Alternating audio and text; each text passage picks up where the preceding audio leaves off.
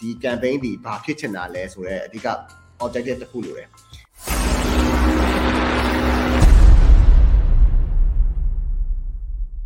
ကျွန်တော်ကျွန်တော်အဲ့မှာမြင်တာနှစ်ခု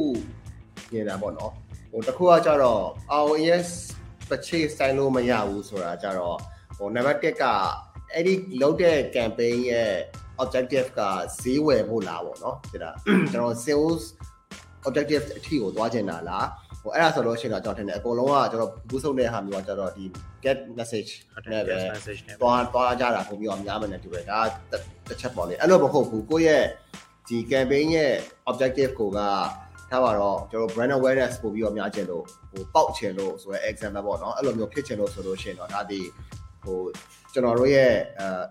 objective ကဟို reach များရင်တော့၎င်းကျွန်တော်တို့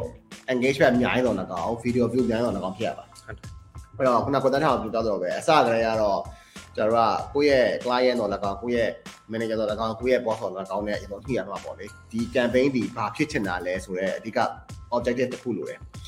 အဲ့တော့အဲ့ဒီအချိန်မှာကျွန်တော်ကဘာဝါထပ်ပြီးညှိရလဲဆိုတော့ကျွန်တော်ကျွန်တော် reach ကများကြည့်များတဲ့ကျင်တော့များလို့ရတယ်ဟိုကျွန်တော်တို့ရဲ့ဒီဘယ်လိုခေါ်မလဲနောက်ဆုံးအဲ့ဒီနောက်ဒီဒီ target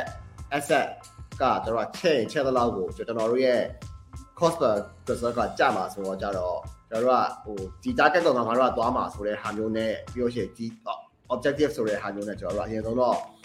ပြောပြဖို့လိုတယ်ပေါ့နော်အဲ့ဒါပြီးတော့မှပဲကျွန်တော်တို့ရဲ့ဟိုဘယ်လိုခေါ်မလဲအာ KPI metrics ကိုကျွန်တော်ဆက်လုပ်ပေါ့လေ။ဒီမှာ reach ကိုပြပြမှာလား engagement ကိုပြမှာလားဒါမှမဟုတ်ရှင်ကိုယ့်ရဲ့ website ကိုဆွဲခေါ်တဲ့အဲအဲ like landing page view ပေါ့နော်အဲ့ဒါကိုကျွန်တော်တို့ကသွားမှာလားဆိုရဲပုံစံမျိုးတွေကိုကျွန်တော်တို့အရင်ဆုံးတော့ define လုပ်တင်တယ်